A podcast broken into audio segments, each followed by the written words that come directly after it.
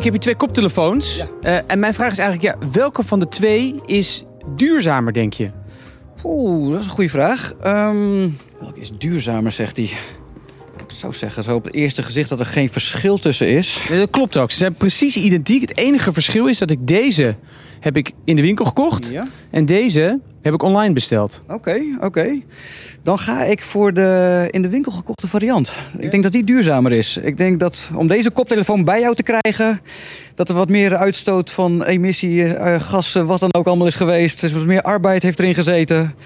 Dus ja, ik ga toch voor de in de winkel gekochte variant. Tegenwoordig bestellen we alles online. Van koelkast tot komkommers, van sportschoenen tot schoolboeken. De webwinkels en platformen zijn niet meer weg te denken uit ons leven. Bol.com, Amazon, AliExpress, Wekamp, Coolblue en ga zo maar door. Met één klik hebben we het product de volgende dag in huis. En gemak is natuurlijk fijn, maar wat betekent die ontwikkeling eigenlijk voor ons milieu, ons klimaat? De kranten en nieuwsites staan er bol van. Een kleine greep uit de koppen. Doosjes vol lucht. Waarom pakketten veel duurzamer kunnen. Online retouren worden massaal vernietigd. En gemeenten weten zich geen raad met de groter wordende berg karton door online bestellingen. Dat is de ene kant. Maar aan de andere kant zie je ook berichten als online shoppen is duurzamer dan je dacht. Dus ja, hoe zit het nu met duurzaamheid en e-commerce? Of beter gezegd, wat is nu duurzamer? Kopen in de winkel of kopen in de webshop? In de winkel of online? Um, de, uh, geen idee. Is, uh, hetzelfde, denk ik. Die je in de winkel hebt gekocht. Ja, die is duurzamer? Ja, die is duurzamer. En waarom, denk je? Nou, omdat je dan niet het vervoer er naartoe dubbel hebt. Normaal gesproken bestel ik dingen online. En um, dan ga ik er wel een beetje van uit dat het online beter is. Ja, dan is uh, duidelijk dat degene die je in de winkel gekocht hebt meer duurzamer is. Want dan heeft hij niet hoeven reizen en nog in een extra doos hoeven zitten. Want dat zit er meestal wel omheen. Ehm. De meningen op straat neigen dus naar de winkel waar ik die koptelefoon heb gekocht. Maar ja, hoe zit het nu precies en is die vraag wel zo makkelijk te beantwoorden?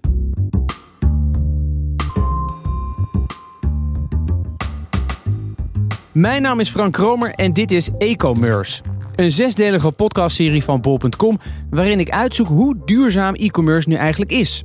Zo nemen we het bestellen en retouren, de verzending, de verpakking, de opslag en de circulaire toekomst onder de loep. Want hoe kan het beter? En waar moet de sector naartoe zodat we de planeet niet om zeep helpen? Ik spreek met onafhankelijke experts. Dus het is niet, kunnen we nog wel een economie hebben als we verduurzamen?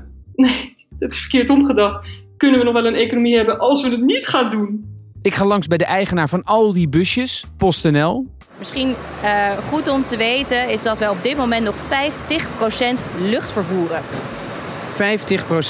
Ja, en daar moeten we met z'n allen, hè, in de hele keten, moeten we daar gewoon iets aan gaan veranderen. En ik neem een kijkje in hypermoderne magazijnen. Ja, een heel groot pand, half gevuld met, uh, met rekken, veel staal. Uh, 150.000 bakken, 67 niveaus, uh, met shuttles die er tussendoor heen vliegen. Ik, ik, ik, moet ik zeggen, ik ben er een beetje stil van. Het lijkt wel een filmset. Een decor voor een nieuwe James Bond. Dat hij over die shuttles heen springt, hangt aan bakken. Ja, dat lijkt me leuk. ik ben voor, ja. Kortom, we zoeken het allemaal uit. In deze eerste aflevering gaan we kijken hoe we er nu voor staan. Met de hele simpele vraag: hoe duurzaam is online bestellen op dit moment? En daarom gaan we even terug naar mijn twee koptelefoons die ik gekocht heb. Eentje in een winkel in Amsterdam Oost en eentje online. Waarom twee, zul je misschien afvragen? Nou, als podcastmaker moet je natuurlijk altijd goed voorbereid zijn. Tijd dus om een expert in te schakelen. Daarom kwam Jesse Weltevreden, lector online ondernemen aan de Hogeschool van Amsterdam, naar de studio. Welke van de twee is duurzamer? Dat kan ik niet zo beantwoorden. Nee? Nee. Waarom niet? Omdat ik dan je een aantal vragen moet stellen van... Uh, hoe is die bezorgd? Hoe heb je die opgehaald in de winkel? Met welke vervoermiddelen ben je erheen gegaan? Heb je, heb je, hoe heb je georiënteerd op, uh, op die koptelefoon? Het zijn allemaal vragen die beantwoord moeten worden om te bepalen welke nou van de twee duurzamer is als je kijkt naar de last mile bezorging dan. En uh, de verplaatsingen die je als consument gemaakt hebt als je naar de winkel gaat. Dus je kan het niet zo 1, 2, 3 zeggen. En uh, het antwoord wat jij waarschijnlijk geeft op die vragen hè, die ik jou net stel, um, de antwoorden die jij geeft zullen anders zijn voor andere consumenten. En, en dat maakt het zo complex. Er is dus geen algemene formule die je kan uh, invoeren en dan zeggen: Oh, dit is duurzamer? Kijk, we kunnen natuurlijk aan, uh, aan consumenten vragen van nou, hoe winkel jij? Hè? Uh, doe je dat voornamelijk in de winkel of doe je dat voornamelijk online? Of doe, maak je gebruik van de combinatie? En uiteraard kan je daar gemiddelde uh, over bepalen. Je kan zeggen van nou, koop jij koptelefoons, dan is het duurzamer om dat online te doen dan, dan in de winkel. Dus daar kunnen we wel gemiddelde over, over berekenen. Geen enkel probleem. Wat is dan ja, duurzamer om online te kopen en duurzamer om in de winkel te komen? Als je al die gemiddeldes neemt.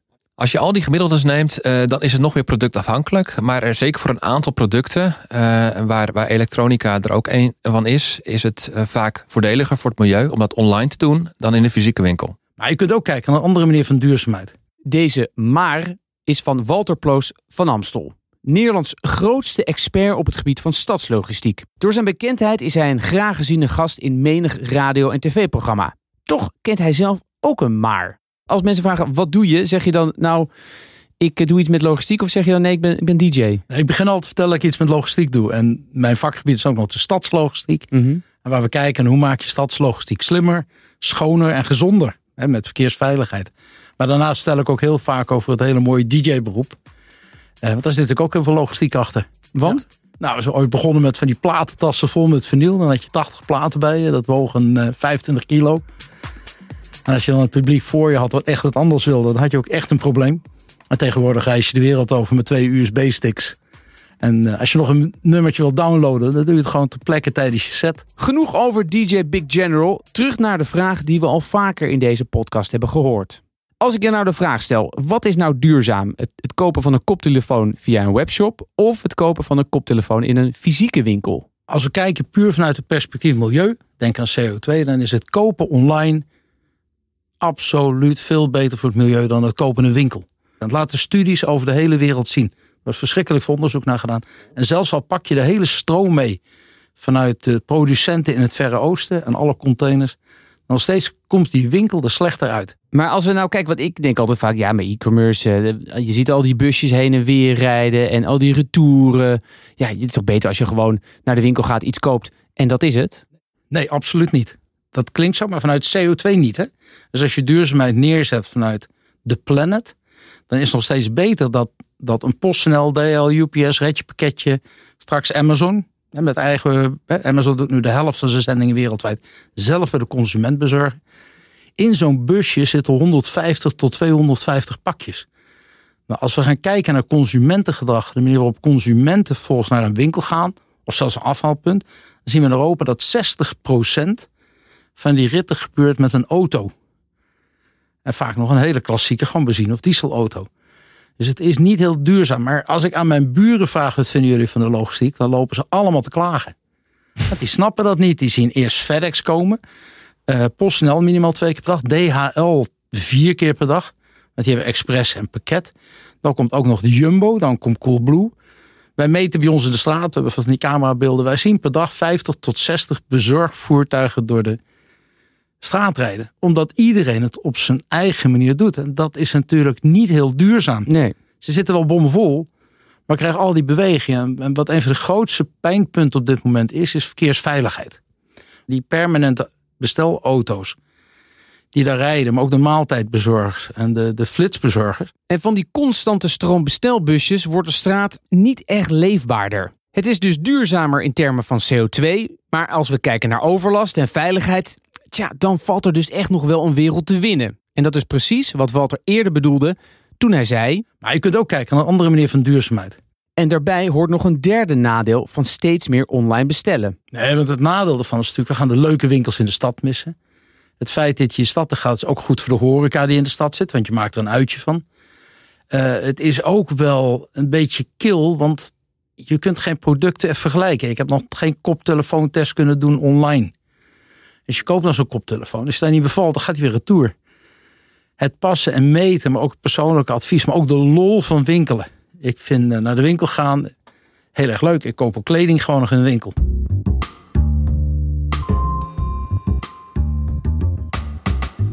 Eigenlijk is die winkel dus helemaal niet zo duurzaam. En dat terwijl de publieke opinie het tegenovergestelde is. Daar wordt dan wel eens vergeten dat die producten die in winkels liggen ook daar gewoon met een busje naartoe worden gebracht. Dat die winkel een deur heeft die open staat terwijl de verwarming en de airco aanstaan. Dat die winkel gebouwd moet worden. Dat daar een interieur in zit wat elke twee jaar wordt vernieuwd. Als je dat allemaal mee gaat rekenen en dat dan vergelijkt met wat wij, eh, wat, wat e-commerce doet, dan, dan is het een, in zichzelf een, vrij, een heel efficiënt systeem.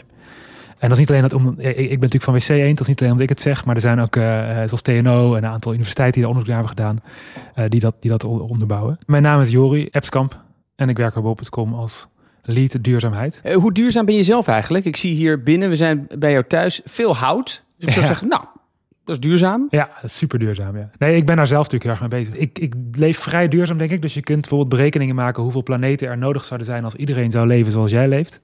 Nou, gemiddeld Nederland is 3,5 planeet. En ik zit wel binnen één. En dat is wel een beetje het doel voor, zou het doel moeten zijn voor iedereen. Ehm, dus ik eet geen vlees, geen vis. Jori ademt dus duurzaamheid uit. En het klinkt natuurlijk mooi dat online op dit moment gemiddeld genomen duurzamer is. Maar dat betekent natuurlijk niet dat er geen werk aan de winkel is. Tegelijkertijd is e-commerce natuurlijk enorm gegroeid, is een enorme schaal en is onze voetafdruk dus daar, daarom navenant groot. En hebben we dus een hoop eh, te verduurzamen met z'n allen, ook binnen e-commerce. En hoe ziet die inhaalslag eruit? Ja, dus dan, als ik dan kijk naar bol.com, onze focus ligt dat wij in 2025 klimaatneutraal willen zijn. Dat betekent dat we dan 0 gram CO2-uitstoot per pakket willen realiseren. En feitelijk gezien betekent dat we, dat we nu focussen op productie. Eh, dus we hebben, vorig jaar was onze uitstoot 39% lager uitstoot per pakket dan in 2018. Eh, en dat doen we bijvoorbeeld door te focussen op verpakkingen, kleiner maken, minder karton, geen karton. Eh, door de bezorging samen met bijvoorbeeld PostNL, door daar eh, meer elektrische bezorging bijvoorbeeld eh, mogelijk te maken en dat efficiënter te maken. En door ons eigen proces, bijvoorbeeld ons energiegebruik, de gebouwen die we bouwen, die allemaal klimaatneutraal te maken. Onze energie is volledig afkomstig van wind- en zonnepanelen. Dus dat zijn de dingen waar wij zelf op focussen. Ja, want jullie zijn natuurlijk gewoon ja, eigenlijk enkel een platform dat producten aanbiedt, eh, maar niet de partij zeg maar, die de producten echt produceert. Hoe, hoe groot is die afdruk van de producten versus het hele proces? Ja, dus als je dat, als je dat vergelijkt, dus als je ons proces vergelijkt met de producten die via bol.com worden verkocht. Ik heb daar toevallig eh, een tijdje geleden een, een hele hoge overbreking van gemaakt. Dan heb je het over grofweg 1% is onze voetafdruk en 99% wordt veroorzaakt door de productie en het gebruik van die producten. En dan zou je zeggen, dus dan hebben wij een kleine verantwoordelijkheid, maar ik denk dat wij dan, dat wij, omdat wij eigenlijk het sluitstuk zijn van heel zo'n keten, hè, wij zijn degene die aan de consument eh, verkoopt en die dus ook de consument helpt om een keuze te maken, dat wij dus juist echt een rol kunnen spelen om eh, consumenten te helpen om een andere keuze te maken die duurzamer is. Over die productie en producten gaan we het later nog uitgebreid hebben in deze serie. Want als je heel eerlijk bent, het meest duurzame is simpelweg minder te consumeren en langer met je gekochte spullen te doen.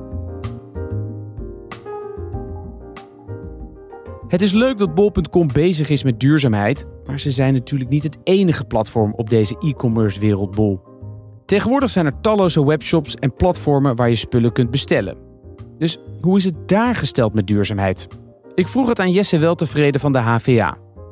Ja, dat is natuurlijk een hele een brede vraag die je stelt. Kijk, kijk wat, wat je wel ziet is dat het thema duurzaamheid ook, ook steeds belangrijker wordt voor webwinkels. Die hebben ook een beetje het imago als sector van nou, dat is een vervuilende sector en eh, slecht voor het milieu.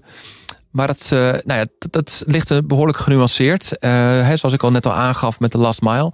En je ziet ook dat webwinkels nou ja, ook, ook aan dat duurzaamheidsimago aan het werk zijn. Die willen natuurlijk ook een steentje bijdragen aan een betere wereld en een beter klimaat. Dus je ziet ook heel veel innovaties in duurzame verpakkingen, in, in duurzame bezorgwijzen, in consumenten bewuster maken eh, van, van mogelijkheden, duurzame producten aanbieden. eh, eh, mensen ook bewust maken van nou, over duurzame bezorgopties. Dus er gebeurt er heel veel. En we zien ook dat steeds meer webwinkels dat ook actief eh, eh, aan, hun klanten laten zien. Van kijk, wij, wij nemen duurzaamheid serieus. Eh, ga naar de gemiddelde webshop, en zeker een grote. Dan zie je ergens onderaan zie je ook een, eh, een kopje duurzaamheid. Waarin ze echt aangeven van wat zij er eh, op dat gebied doen. En als je daarop gaat lezen, dan zie je toch al dat heel veel webwinkels al, al hele mooie dingen doen. Dus eh, er gebeurt heel veel in positieve zin. Er gebeurt heel veel dus. Hoogste tijd om dat verder uit te zoeken. Om de hele e-commerce keten eens goed onder de duurzame loep te nemen. In de volgende aflevering gaan we kijken naar de eerste stap in het proces.